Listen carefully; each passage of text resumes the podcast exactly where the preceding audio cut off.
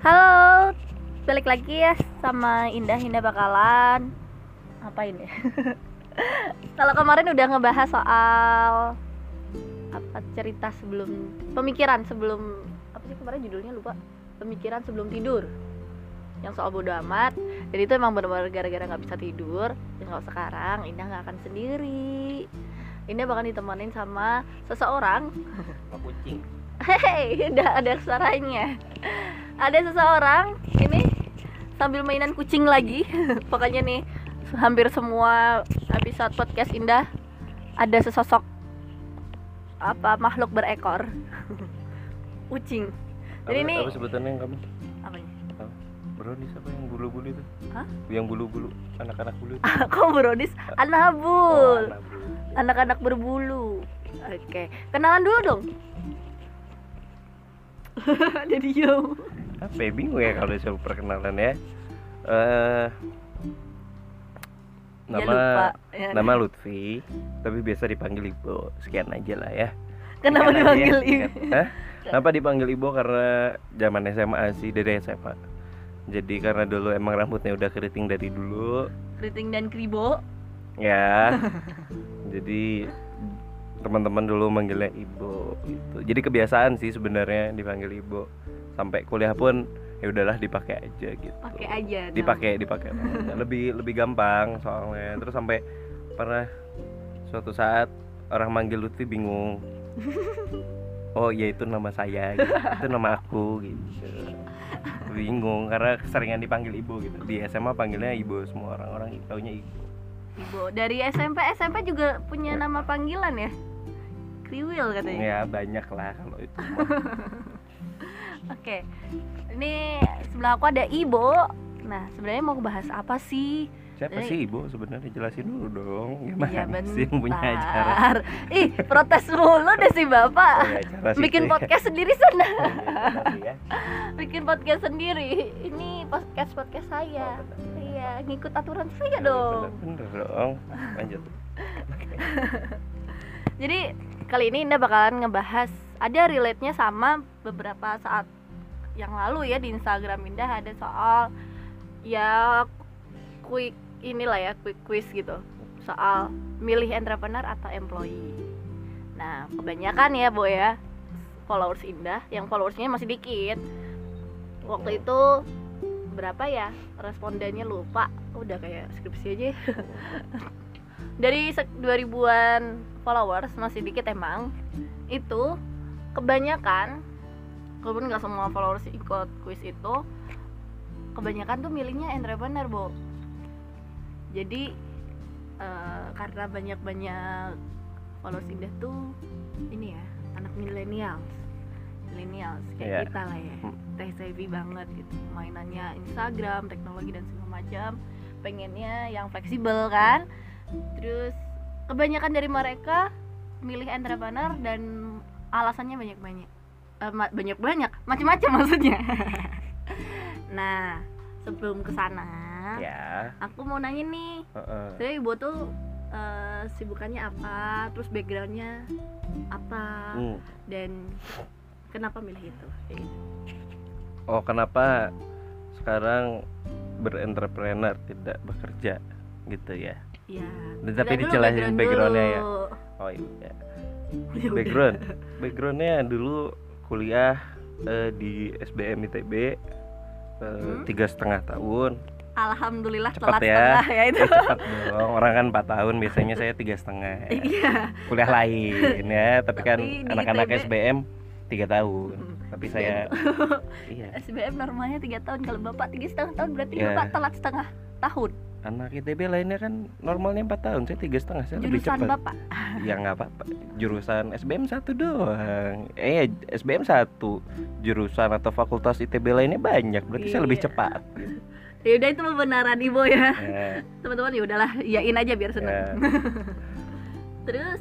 Terus ya emang dari awal kenapa pengen masuk SBM ITB ya? Karena emang pengen bisnis. Mm, emang dari dulu? Dari SMP sih pengennya sebenarnya. Udah udah cita-cita dari SMP nggak tahu kenapa Karena- apa pengennya bisnis apa? Dulu nggak tahu sih pokoknya dari SMP pengen bisnis. Mm-mm. kenapa pengen bisnis? Karena dulu di SMP itu ada pelajaran PRD namanya. aduh lupa singkatannya apa. PRD eh dulu SMP panjangannya kepanjang Taruna Bakti. Ada Bandung. kayak kayak program kewirausahaan gitu ya? Salah satunya di PRD itu. Mm-mm. jadi kan kita emang kayak bikin-bikin apa terus itu ingat banget pas kelas 3 awal itu pelajarannya tentang bikin bisnis Mm-mm. satu kelompok jadi rame-rame langsung asik. proyek gitu? Langsung proyek jadi pelajaran bla bla bla teori habis itu bikin kelompok habis itu Mm-mm. ya udah tentuin mau ju- udah bagi kelompok kan? Mm-mm. tentuin eh, mau jualan apa namanya apa gitu kan. Eksekusi langsung? Eksekusi jadi tapi emang untung nggak dulu? Lupa sih. Jadi udah tuh asik udah udah bikin namanya dulu tuh eh ada ada ngabdul kan? Dulu ada ngabdul kan namanya dari aku juga sih. Terus namanya kalau nggak salah mamdul. Makan dulu gitu. Oh mamdul. Heeh, jadi terus satu kelompok itu Mm-mm. udah bikin deh mau kita mau bikin makanannya apa aja flyernya dibikin Mm-mm. digambar sendiri fotokopi. Terus eh, kita ini eh, promo di kelas-kelas gitu. Oh, antar kelas, kelas. Heeh. eh, ke adik kelas gitu gitu. Jadi emang emang udah tiap pas dulu kelas 1 juga ada anak kelas 3 yang kayak gitu dan itu tuh menarik aja terus preparing jualan Mm-mm. beres pulang sekolah saya jualan asik aja sih jadi dari situ kayak asiknya ternyata jualan gitu Mm-mm. pas abis itu Gitu. dilanjutin nggak sih sampai SMA atau cuman sekedar Oh. pelajaran doang ya kalau itu cuma sekedar pelajaran Pelajaran doang doang. sih cuman emang dari situ udah udah tahu sih gedenya pengen jadi apa pokoknya pengen jualan lah intinya jualan kalau kerennya kan entrepreneur ya tapi ujung-ujungnya sebenarnya juga ya jualan sih dagang gitu. Tapi dengan ilmu lah kasarnya. Ya udah lanjut lagi SMP juga jualan pulsa. SMP ju- jualan pulsa? SMP jualan pulsa kelas abis nggak 3 modalnya? Enggak enggak juga sih sama Nggak emas juga? soalnya bareng kakak Ah. juga jadi gitu. Lumayan lah Mm-mm. untung dikit. SMA aku juga dulu jualan pulsa habis. Diutangin ya? Enggak dipakai enggak sendiri? diutangin. Kalau soal utang galak. Eh mana bayar bayar dong? Misalkan bilangnya dua minggu dua minggu lagi bayar ya? Iya gitu. Tapi bayaran diambilin duitnya. Dipakai jajan? Iya pakai jajan terus dimarahin sama Iya. mama. Dulu SMP lama berarti ya dulu Iya. zaman pulsa. Terus SMA SMA tuh baru mulai jualan kelas 2 dua SMA 2 SMA jualan jualan susu susu. Susu susu Frisian Flag. Karena dulu temen bapaknya ada di kerja di Frisian Flag Mm-mm. gitulah. Oh Ya udah. dong. Ah, atau nggak gratisan? Nggak bayar. Cuman ya nggak terlalu beda jauh sih. Mm-mm. dan emang kalau dulu namanya anak SMA oh lagi kelas Mm-mm. jajan. Mm-mm. lagi kelas nih izin keluar jajan. Mabal ya. Ya nggak mabal jajan doang. Bentar balik lagi. Gitu bilangnya kan ke WC gitu-gitu kalau apa bukan SMA ya seringnya kan gitu terus kayak lihat ah daripada keluar keluar ya udah mending jualan di kelas kan. Mm-mm. ya udah terus? akhirnya jualan. Ya itu jualan susu itu. Lumayan jadi di kelas. Berdua tuh ada yang haus. Mm-mm. mau satu satu gitu. Udah. Ya lumayan, lumayan. lah. Ya nambah nambah jajan tapi ya nggak nggak terlalu banyak juga. Habis itu eh, Bertahan kelas berapa lama itu? Duh, lupa lupa berapa lama gitu Bentar, lumayan tuh tiga bulanan oh, tiga bulan. empat bulanan gitu something kayak kelas 3 jualan lagi. Terus ganti jualan kue. Kue apa? Kue ngambil di pasar kue di buah batu itu kan? Mm-mm. kan pagi-pagi ada tuh jam 6 Oh, yang sekarang pindah di Lodaya itu ya kan? kan dulu masih di depan di daerah buah batu kan. Jadi berangkat pagi tuh berangkat setengah enam. Mm-mm. beli dulu. Kayak danusan dong? Iya kayak danusan. Kan di sana jual seribuan kan. Ya Iya, udah jual dua ribu gitu. Heeh. Udah Persis bawa bawa kayak tupperware gede Heeh. gitu pagi-pagi milih udah jual di kelas gitu terus jadi jajannya dari situ uang ya jajannya iya sih gitu Lagi. walaupun dia emang untungnya dikit sih tapi ya Mm-mm. seneng aja gitu terus udah gitu Gitu. emang dari dulu eh, langsung karena udah jagang tuh dari SMP terus SMA ya kayak danusan juga kan Hmm, terus udah ah, karena kayak kayak gini kayaknya eh, menguntungkan deh langsung Hmm. aja udah pengen masuk kuliah kuliah mana ya kuliah pengen ITB gitu hmm. emang benar-benar pengen ke ITB SBM atau emang gimana tuh ceritanya atau emang SBM itu jadi jalan titik loncatan ibu buat entrepreneur atau emang ya udah masuk masuk aja gitu Hmm, karena emang dulu kakak sepupu tuh kan bedanya 6, 5 sampai 6 tahun itu emang udah masuk Mm-mm. SBM duluan. Mm-mm. Dia Dulu salah tahu. mainnya ya doang. manajemen manajemen doang dan taunya OSBM itu fakultas atau jurusan di ITB yang diciptakan untuk eh, ujung-ujungnya jadi entrepreneur kan maksudnya berjualan lah gitu. Ya udah dari situ ya di SMA emang nggak banyak terlalu banyak kepengen apa sih kuliahnya nanti gimana ya udah pengennya itu itu aja gitu biasanya. Gitu. Ya nggak nggak usah banyak mikir gitu Nggak ya. mikir Ya panjang ya. Bukan nggak mikir panjang sih udah tahu maunya apa ngapain pikirin yang lain kadang Iya gitu kan. bener bener bener Iya kadang kan? pengennya kayak gitu. Ya kan? Ya ya udah nggak usah dibawa ribet gitu. Kalau gagal ya mungkin baru mikir lagi aja gitu. Ya hidup untuk sekarang ya. Nanti gimana nanti? Ya kadang kayak gitu sih ya kadang kayak gitu. Tapi ya jelek juga. Ya udah terus pernah kayak tahu oh ternyata SBM tuh harus IPA ya gitu kayaknya iya? pernah pernah denger kayak gitu Mm-mm. cuman pas nyari nyari ah nggak bisa IPS oh ya udah gitu oke gas gitu kalau nggak waktu itu mau masuk manajemen unpad sih manajemen untuk Eh, tapi rezekinya di SBM ya Iya, jadi dulu kan alhamdulillahnya undangan karena masuknya sombong. perminatan juga ya. peminatan bukan Peminatan. perminatan Peminatan. Peminatan ngambil ke Wirus. Jadi Hmm. angkatan pertama tuh. Air change-nya masih gede banget ya itu ya Ya, pasti orang lebih milih ini sih. Mini. Lebih milih manajemen kan. karena udah tahu ya lulusannya pada ke mana dan segala macam kan ke Wirus kan Baru angkatan sih. pertama kan kayak seakan-akan kelinci coba banget lah. eh, kelinci percobaan jadi kayak belum tahu lulusannya nanti ke mana mungkin itu kali ya Eh. jadi ja- daya tarik orang-orang kurang gitu Dan dulu mikirnya gini kan, kalau pemilihan itu berdasarkan nem itu kan Mm-mm, harus ada dua dua tiga pilihan kan. mm-mm, Kalau pilihan pertama gagal, mm-mm. pilihan kedua diterima, baiknya diambil kan. Iya. Kalau nggak bisa di blacklist kan sekolahnya. Eh, itu sebenarnya rahasia sana sih Tapi rumornya kan begitu. rumornya kayak gitu tapi emang ada ada Beberapa ada kemungkinan ya beberapa- kan. enggak pengalaman malah Hmm. kalau kalau aku dulu kan di SMA 1 sama 3 Mm-mm. kebanyakan kakak kelas itu kayak naik naik kelas aja ke UGM Mhm. tahun lulusan 2012 13 14 ini Hmm. Hampir 100 orang masuk ke UGM dan segala Hmm. macam banyak banget dong hitungannya 100 orang dari 250 tuh banyak ya maksudnya hampir separuh gitu Hmm. Berapa persen aja tuh terus pas angkatanku itu tinggal dikit yang keterima UGM Mm-mm. bisa dihitung jari gara-gara apa ternyata udah masuk udah masuk terus kan kalau kedinasan udah masuk dulu sebulan terus baru tes Mhm. baru keluar pengumumannya Mhm. Mereka cabut. Ya, pas angkatanku kena impactnya. Ya pasti gitu. impactnya angkatanku dikit banget yang keterima undangan. Karena padahal emang akreditasi sekolahnya bagus lingkungannya bagus seniornya lulusan terbaik. Hampir semuanya keren-keren lah ya kayak gitu. Ya udah akhirnya di blacklist. Di ITB juga di ada 2012 tuh ada kakakku di eh, FTMD masuk undangan 2013 itu ada dua orang FTMD Hmm. karena ya katanya kalau IPK-nya alumni bagus di sana nanti bakalan. Heeh, kuotanya Kuotanya, nam- nambah. Emang pas zamannya kakak aku tuh cuma empat orang yang masuk ITB untuk yang undangan. Di bawahnya itu ada 13 orang. Mm. Banyak dong. Maksudnya naiknya banyak. Kan dari Jawa Tengah ke Jawa Barat biasanya kan satu regional dulu yang diutamakan kan. Iya. Terus yang 13 orang ini dua orang ke FTMD keterima. Mm. FTMD atau stay? Ya satu aku lupa. Yang pasti FTMD itu masuk situ. Angkatan 13 tapi yang satu itu keluar langsung. Gara-gara apa? Orang tuanya meninggal dua-duanya. Pas udah udah udah apa namanya? Udah udah keterima. Terus kan bingung ya di ITB kan walaupun ITB gitu banyak beasiswa butuh hidup dan segala macam tugas. Akhirnya dia nggak ambil dia masuk STIS STIS yang notabene semuanya dibiayain sama negara kan. Akhirnya masuk sana.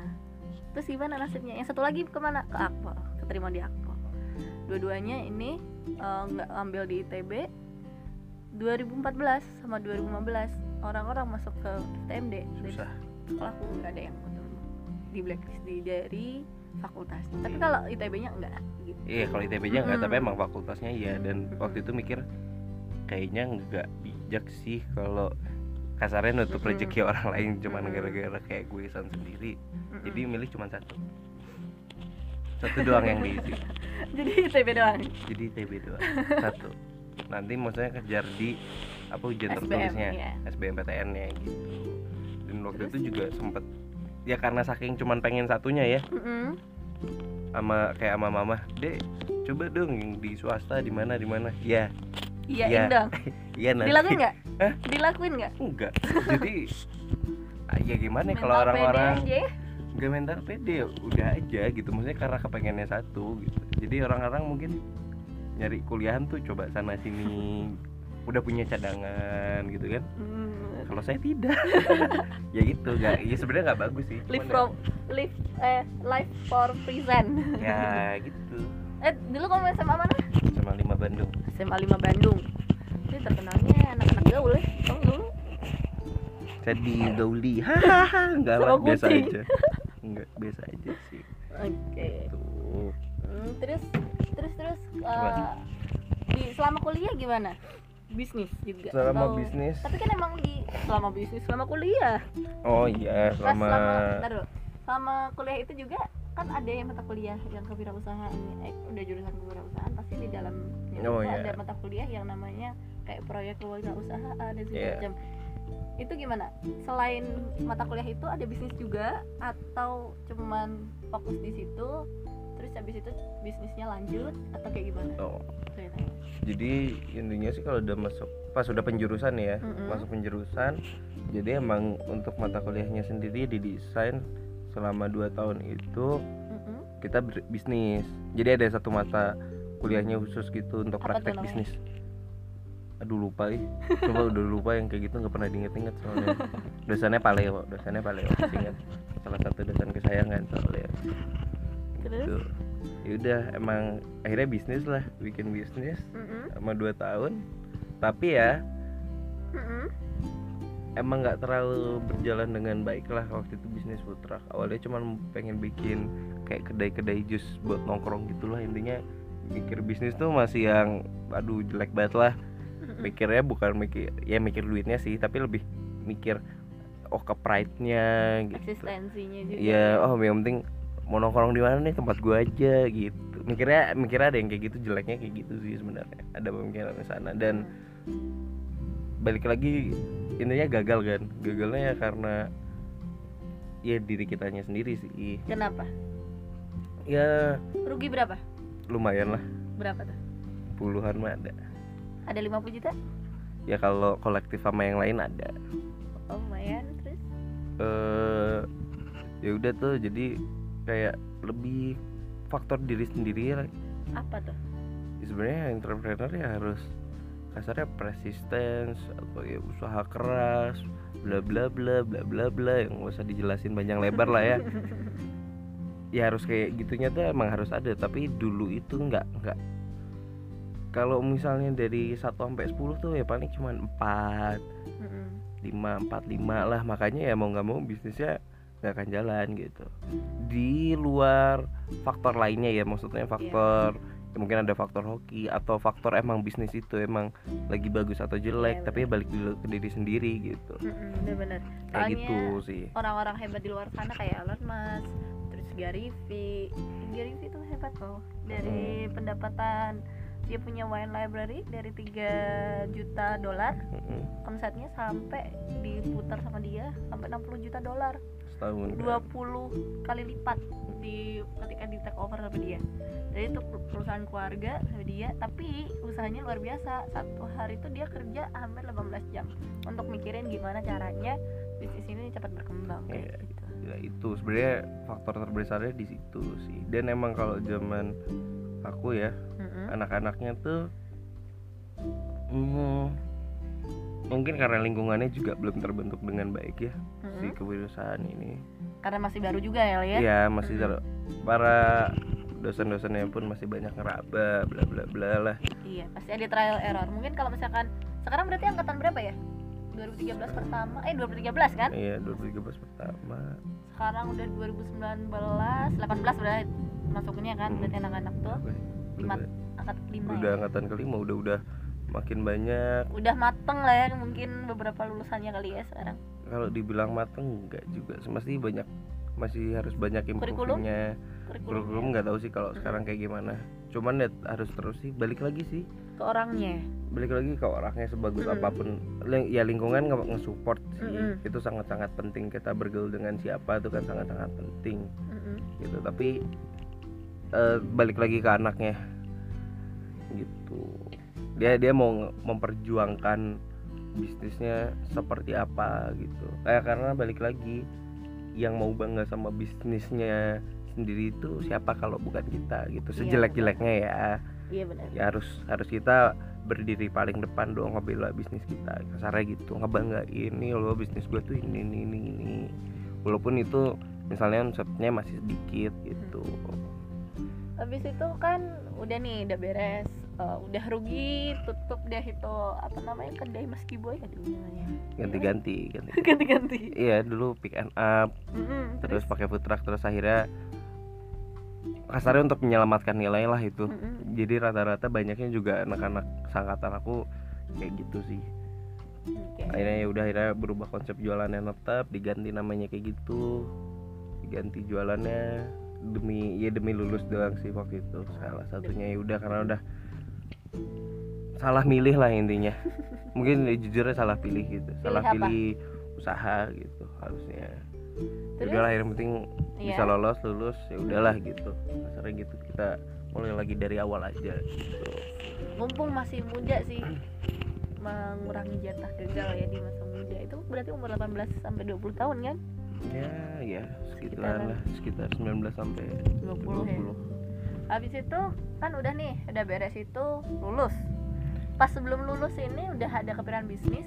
Oh iya teman-teman kalau ibu ini punya yang namanya bisnis cuci sepatu kan sekarang. Iya. yang namanya Volt Indonesia.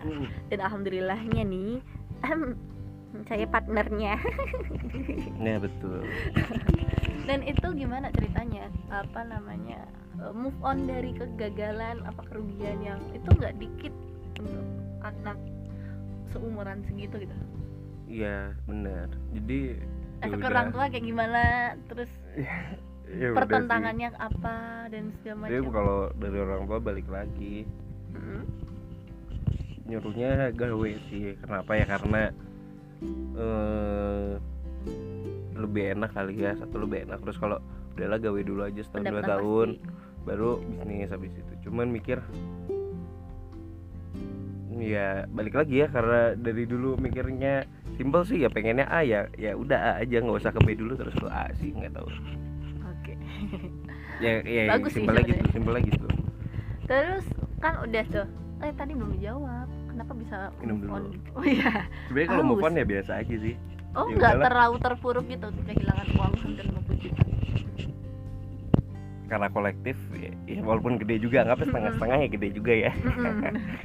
Tapi udah gitu karena ya apa ya kenapa harus di- ya disesalin disesalin sih. Cuman kelamaan juga nggak nggak bikin duitnya balik kayaknya ya. Ya udah kayak kadang kalau dulu dulu lebih lebih galau pas diputusin.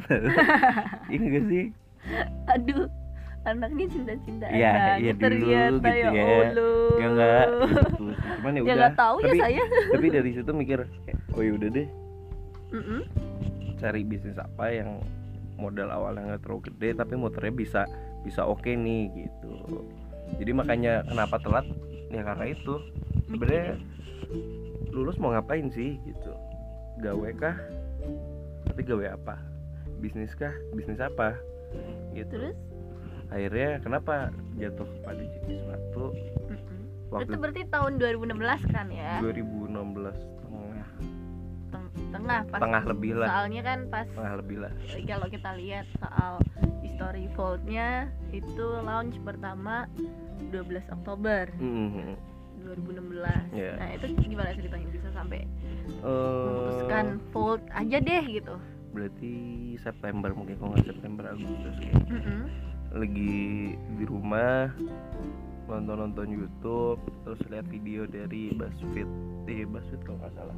Ya video-video di YouTube lah ya, ya terus ngebahas tentang Jason Mark tuh produk eh, cuci sepatu penyedia sih dia Mm-mm. penyedia cleaner cuci sepatu di Amerika awalnya. Akhirnya dia buka jasa cuci sepatunya juga. Terus mikir kayak ini gampang nih.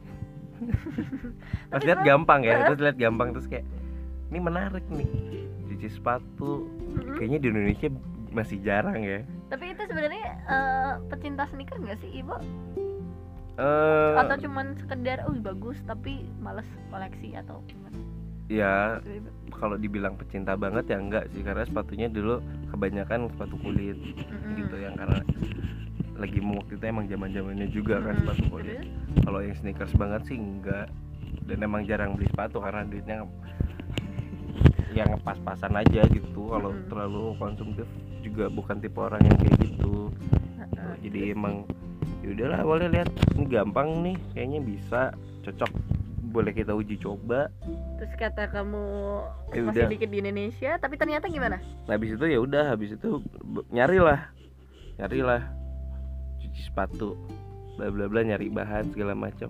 Eh udah ada ya ternyata. Banyak eh dibilang banyak ya banyak karena itu masih booming juga. Mm-mm. cukup booming lah. Pada waktu itu banyak ada waktu itu aku taunya sus bible eh sus and care sneak clean. Terus kalau cleanernya doang atau jual sikatnya itu ada Andrews bla Oh bla iya, bla. ya kan? Habis itu ya udah pada akhirnya ya gas lah ngapain? Mikir lagi udah banyak juga bisnis lain juga udah banyak iya kayak orang jualan baju juga udah banyak Iya banget kan, jualan baju udah. tapi habis itu nyatanya gas ada aja. selama kita bisa jeli eh, kita bisa masuk di mana ya udah kenapa nggak dicoba? Kalau nggak dicoba juga banyakan mikir mah ya. Ya nggak jalan-jalan nggak akan tahu Mm-mm. hasilnya. Ya udah akhirnya cari cari cari beli bahan-bahannya sendiri eh pakai uang sendiri juga beli dateng langsung eh cobain. pergi ya nyari nyari korban dulu sepatu korban nih gratis mau dicuciin nggak sepatunya gratis nih bla bla bla lah. Oh gratis? Awalnya berapa Iya, lama itu? gratis. iya langsung aja di tempat. Jadi dulu ada kontrakan teman kan kontrakan kosan sih dia ngos berdua tapi emang gede kosannya Adrian. Di situ juga ngobrol-ngobrol masalah si cuci sepatu nih gue pengen buka cuci Mm-mm. sepatu gimana? Gitu. Ada yang tertarik nggak mau bantuin atau enggak gitu Korea juga jadi partner di Mm. Volt juga kan yang di Jakarta ya. Heeh. Pada akhirnya awalnya dia menanggapinya ya biasa aja Mm-mm. terus dia ternyata ngobrol sama teman dia yang buat cuci sepatu juga ternyata di Jakarta omsetnya lumayan Mm-mm. oh ya udah makin makin meyakinkan hati lah untuk Oke. eh ini jadi pilihan bisnis yang oke gitu ya Pat. Terus? udah akhirnya nyobain nyuci nyuci nyuci yaudahlah udah oke nih lumayan lah Mm-mm. Digas lah sambil tetap nyari. Jadi belajar nyuci sepatu ya dari mana? Dari YouTube. Dan emang sebelum itu nggak pernah nyuci sepatu di laundry. Di laundry lain. Literally ya udah nyobain. Semua yang ada di YouTube dicariin. Cuci sepatu ini enggak udah lah di kita R&D di situ bayi nonton praktek sendiri. Ya udah. Terus? Akhirnya eh udah tuh memutuskan ya udahlah cari nama. Apa awalnya namanya waktu itu mau apa ya? Namanya apa? A misalnya nggak jadi waktu ngobrol lagi sama teman. Namanya dia punya jualan toko sepatu sih sebenarnya namanya Folk Heeh. awalnya mau dibarengin nih dia jual sepatu Mm-mm. ini sama cuci sepatu tapi akhirnya nggak jadi. Terus tapi ganti namanya gantinya apa? Namanya jadi sama Folk namanya Folk namanya dia Folk juga kalau bisa dicari tapi ya udah kepalang keren ya nama tuh ya udahlah Folk aja gitu lanjut. Jadi namanya tuh bukan berarti enggak enggak kayak orang-orang lain gitu ya. Eh namanya ini aja deh filosofinya ini ini ini. Tapi enggak yang penting keren aja nih kayaknya. Nggak, nggak ada. Ya udahlah filosofinya bisa dicari ya gitu. Oh karena sebagus apa pun filosofinya cuman kalau kita nggak bisa jualannya juga percuma sih. Tapi nama adalah doa loh. Ya nama adalah doa sih. Terus? banyak kok yang namanya depannya Muhammad tapi ngaco juga banyak. Ya nggak usah jadi alasan ya itu. Ya nggak alasan ya sih. Terus eh, hambatannya sama orang tua kayak gimana? Pasti kan gimana ya? Teman-teman pasti tahu lah ya SBM ITB itu bayarnya nggak murah gitu. Per semesternya aja 20 juta. Zaman itu kalau sekarang 25 juta per semester. Dan itu kan tiga tahun program tiga tahun. Dan si bapak ini telat. Berarti kan 190. tiga setengah tiga setengah. Itu berapa semester berarti? 10 semester ya? Ya 10 semester. 10 semester. Normalnya 9 normalnya 9 190 wow. Di 190 juta gitu maksudnya. Bisa buka coffee shop harusnya itu kan udah udah apa namanya nggak nilai yang dikit. Terus eh, milih untuk wirausaha yang belum tahu ke depannya kayak gimana. Orang tua ngedukung gak sih insya, insya Allah dukung sih. Ya sebenarnya balik lagi. Oke. kayak ya sebenarnya tetap disuruhnya kalau bisa gawe dulu sih atau gawe sambil bisnis. Terus? Ya karena ya pikiran sih sebenarnya buat orang tua mana pun khawatir anaknya masa depannya kayak gimana mau udah wajar. Lu mah wajar ya maksudnya. Jadi bukan marah-marah karena misalnya kalau kamu mending gawe gini-gini. Ya sebenarnya jangan marah karena orang tua tuh peduli sama kita. Mungkin kita pun bakal seperti itu pada nantinya. Ya, cuman lebih kita ngasih pengertian aja sih ke orang tua karena emang ya kita pengennya ini gitu. Jalan yang kita pilih ya udah gede juga. Kenapa nggak kita coba gitu. Karena ya balik lagi bisnis ada yang berhasilnya cepet ya alhamdulillah rezeki. Ada yang butuh prosesnya lama. Ya emang kayak gitu aja jalannya gitu tapi ada kepikiran nggak buat lima tahun ke depan gawe dulu ke orang? Atau memang ada impian lima tahun ke depan itu gimana caranya si Volt ini jadi yang gede jadi market leader di Indonesia misalkan amin gitu kan? Amin. atau mungkin diversifikasi produk atau bisnis yang lain gitu ada kepikiran ke sana? Atau emang life for a reason bingung kalau enggak sih kalau gawe ke orang sebenarnya bener-bener nggak mau. bukan bener-bener gak mau ya pilihan terakhir sebenarnya pilihan terakhir. Karena sebelumnya juga pernah gawe di orang kan di di kopi gitu. Ya karena butuh duit emang sebenarnya butuh duit gitu Iya. butuh duit tambahan. Cuman balik lagi kenapa jadi asik gawe di orang ya? Maksudnya tetap itu jadi zona nyaman sih. Terlalu zona nyaman. Jadi impian gue bukan ini gitu. Bukan gawe di orang gitu. Harus punya bisnis sendiri ya tahu pasti struggling lah. Di awal dan seterusnya itu pasti struggling gitu. Dengan duit yang nggak jelas Iya, bla bla bla naik turun. turun. Tapi ya itu ya itu impiannya di situ gitu kenapa harus ngikutin kemauan dibandingkan realistis maksudnya gini bisnis di awal pasti uangnya sangat-sangat dikit ya kalau Hmm. bisa kecuali orangnya hoki banget kayak dan rezekinya emang gitu Mm-mm. langsung boom gitu ya bisnisnya ada kan beberapa yang Ada. ada teman-teman aku juga yang bisnisnya ya, udah masuk ceruk pasar sih maksudnya kayak yang red ocean maksudnya pemain bisnisnya udah banyak banget Mhm. kayak baju dan ada bisnis yang sebulannya 15 sampai 20 juta itu ada gitu. Itu baru dua bulan tiga bulan. Dan kalau misalkan ada juga yang bisnis udah lama tapi segitu segitu aja. Itu kenapa milih? Benar-benar pengennya ini ya udah ini gitu. Dibandingkan realistis untuk ya udah kerja di orang gaji duitnya gede enak gitu gede ya. terus bisa Bisa uh, bawa gue bisa bisa alma mater juga bla bla bisa bla ya. iya apa apa pun kata orang lingkungan lah. Mm-mm. kenapa milih kayak gitu? Tapi milih gitu? Kalau ditanya juga sebenarnya bingung sih ya. Apa yang bikin apa pengen tetap jadi entrepreneur dan siapa sih motivasinya dan kenapa alasannya itu gitu? Kalau motivasinya apa ya ya mungkin karena pengen ngalahin diri sendiri aja kali ya. Karena Like dengan ya uh, for yourself ya. Ya bodoh amat sih sebenarnya dengan orang lain. Ya karena belum tentu orang lain mikirin kita. Iya benar. Jadi Terus? ya pengen ngalahin diri sendiri aja sih. Mm-mm. dan sebenarnya gemes mungkin ya karena penasaran. Ini bisnis nggak belum misalnya belum oke banget kenapa? Ya, karena diri kita sendiri aja. Sebenarnya jadi jadi gemes sama diri sendiri. Jadi pengen ngalahin itu kalau mungkin kalau udah berhasil bukan bisa dibilang ngalahin ya udah oke lah satu step nih. Gue udah bisa ngalahin diri gue yang di sini. Belum lagi yang nanti nantinya pengen pengen kayak gitu terus. Mungkin lebih kayak gitu. Terus juga karena apa ya? Karena keseringan baca komik nonton anime anime gitu. Sebenarnya apa ya? Ya kadang dianggap orang itu remeh sih.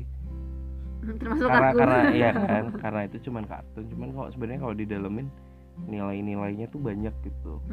Nggak cuman dari persahabatan nggak cuman dari berantem nyelamatin orang. Cuman konflik-konflik di situ pun timbulin sesuatu yang sangat bagus gitu kalau didalemin gitu ya. Terus kayak Jadi ya motivasinya anime. bukan motivasinya ini eh terinspirasi kali Terinspirasi. ya maksudnya jadi jadi oh iya. Kayak misalnya One Piece nih si Luffy itu dari awal dia pengennya cuma satu gitu. Gue pengen jadi raja bajak laut.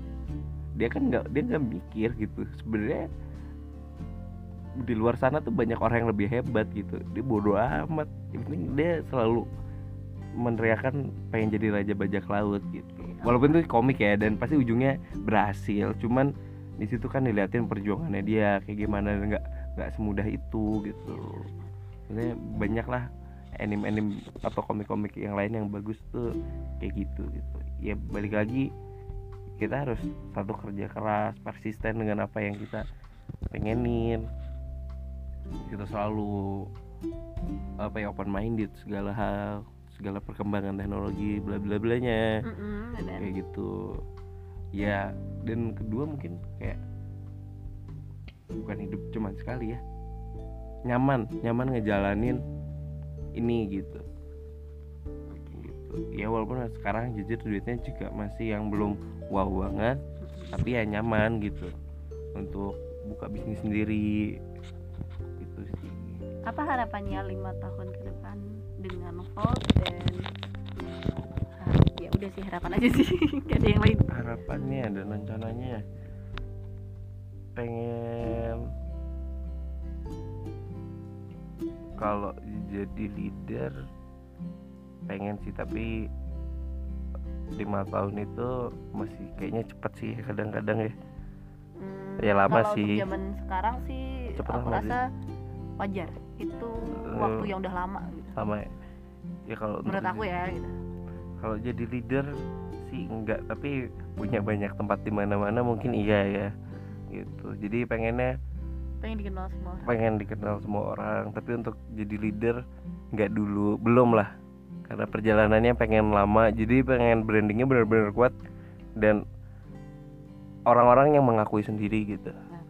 Kalau terlalu mungkin takutnya ya takutnya Hmm. kalau terlalu cepat di atas oh bisa cepat puas. turun juga terlalu cepat puas gitu. Karena emang perjalanannya panjang apalagi bisnis jasa untuk dapat trustnya orang nggak segampang itu benar ya kan dengan ya pengennya punya ruko yang gede Mm-mm. eh, punya drop point yang banyak di mana-mana. Amin. nggak cuman eh dicuci sepatu aja tapi jualan yang lain juga yang berhubungan dengan sepatu. Jadi one stop shoes entertainment ya.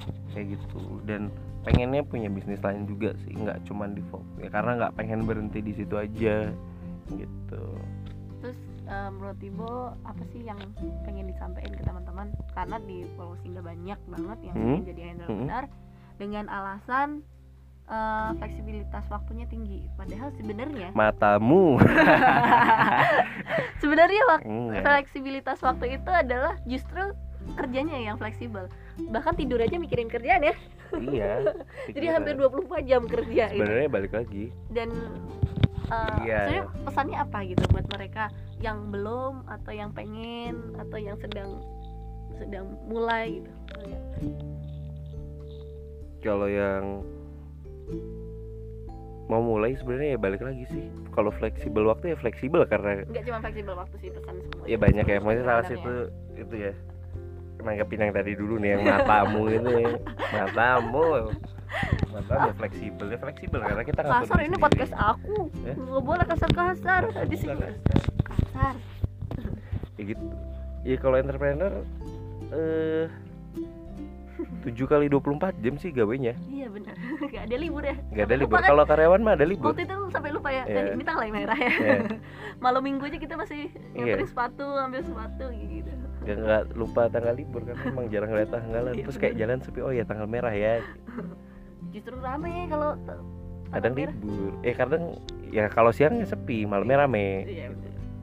gitu. Jadi- jadi sebenarnya kalau mau enak enak jadi karyawan jelas aja waktunya. Iya, jadi Waktu 8 sampai jam 5 atau jam 6 libur Hmm. Sabtu Minggu. Mm-mm. gajinya lebih jelas. Kalau entrepreneur sebenarnya bukan waktu libur waktu luang kayak kalau kalau aku nganggapnya waktu luang sih. Entrepreneur tuh ada waktu luang tapi nggak ada libur. Iya. otak muter iya ya gimana, caranya gaji gaji gaji air bulan gimana gaji gitu. Wes segini gimana? Gitu. Aduh Gimana, itu gimana ya? saya diplototin. Ya teman-teman itu artinya Eh. kerjaan saya nih aduh. Ya cuman kalau emang pesen ya Mm-mm.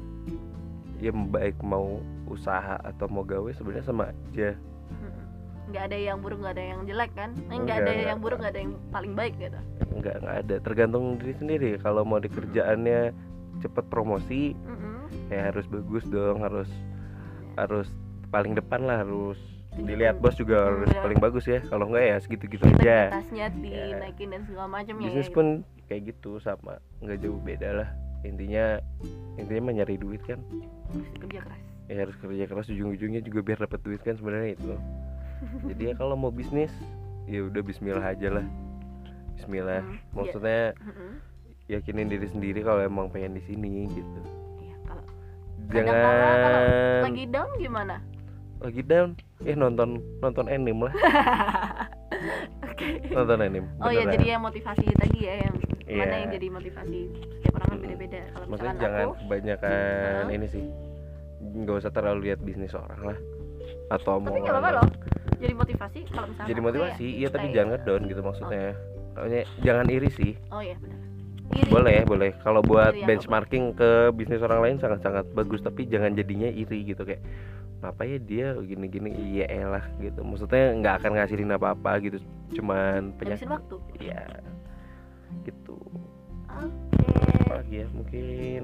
Masih ada kalau saran-saran apa ya? Kalau misalkan ini kan ada ada beberapa bisnis yang udah di tengah jalan Mm-mm. karena kayak gitu gitu aja akhirnya uh, jalan terakhirnya exit dari bisnisnya terus kayak udahlah uh, gue nyerah. Apa pesannya biar teman-teman tuh nggak nyerah di tengah jalan? Nonton anime. Iya benar. Sih. berarti ya motivasinya ya balik ke itu buat motivasi buat buat pribadi ya intinya nggak akan ada jalan yang mudah gitu. Kayak di anime-anime yang panjang kayak One Piece belum tamat aja dia belum jadi raja bajak laut selama 20 tahun ini. Udah ditulis belum jadi raja bajak laut dia. Dia masih berusaha gitu. Dia lagi saat ini di komiknya ini lagi di penjara dia. Ya, gitu. Oh, intinya ja- kalau mau menyerah itu balik lagi pilihan sendiri ya. Tahulah baik atau buruknya buat diri sendiri. Cuman ya pebisnis pebisnis besar banyak gagal kok. Gagalnya bukan sekali dua kali lah. ya benar. Banyak banyak gagal tapi yang ngebedain pengusahanya atau usahanya berhasil si pelakunya mau bangkit tiap gagal gitu. Belum tentu kok belum tentu mereka emang dari awal dilahirkan untuk jago berbisnis enggak juga mungkin. Tapi mungkin karena emang belajar terus belajar dari kesalahan dan terus bangkit lagi lari lagi jatuh kayak gitu-gitu terus selama berpuluh-puluh tahun ya akhirnya mereka jadi orang-orang yang hebat. Hebat Hmm, contohnya Jack Ma atau ya gitu beberapa orang ya kalau dulu misalnya Jack Ma diterima di KFC atau McD Ya, mungkin nggak akan mungkin mungkin nggak akan jadi kayak gini mungkin. Iya, kan bener, kita nggak ada yang tahu. Benar. gitu atau yang lain-lainnya ya. Oke, thank you banget ya Boy udah sharing sama teman-teman podcastnya Indah. Oke, nanti makasih banget udah sharing soal pengalaman kenapa jadi entrepreneur dan pasti ya bertanya gimana backgroundnya. Dan setiap orang pasti beda-beda backgroundnya dan jalan ceritanya beda-beda formulasi untuk bisnis pun juga beda-beda ya sih? Setiap orang beda-beda gitu.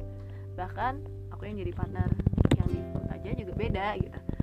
Jadi ya temuin aja sendiri formulasinya kayak gimana motivasinya siapa itu tentuin aja. Kalau misalnya ibu tadi anim kalau aku biasanya eh, orang-orang yang udah hebat sih kayak nontonin YouTube-nya Silicon Valley Girl terus Gary V atau bacain buku-buku yang self development kayak gitu.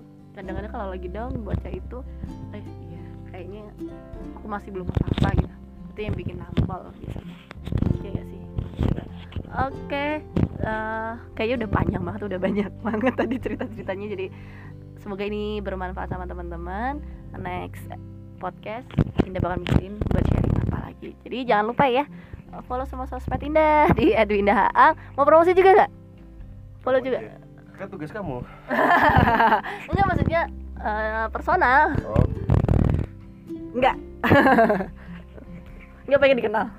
apa promosi diri sendiri? Iya diri sendiri. Kalau Gue Volt sih malah gak pengen terkenal. Harusnya terfolknya aja biar orang-orang nanti tahu sendiri Volt tuh punyanya siapa asik. Ntar taunya aku dong. nggak masalah nggak masalah Oke, jangan lupa juga follow Volt Indonesia. at Volt Indonesia di Instagram Iya, benar.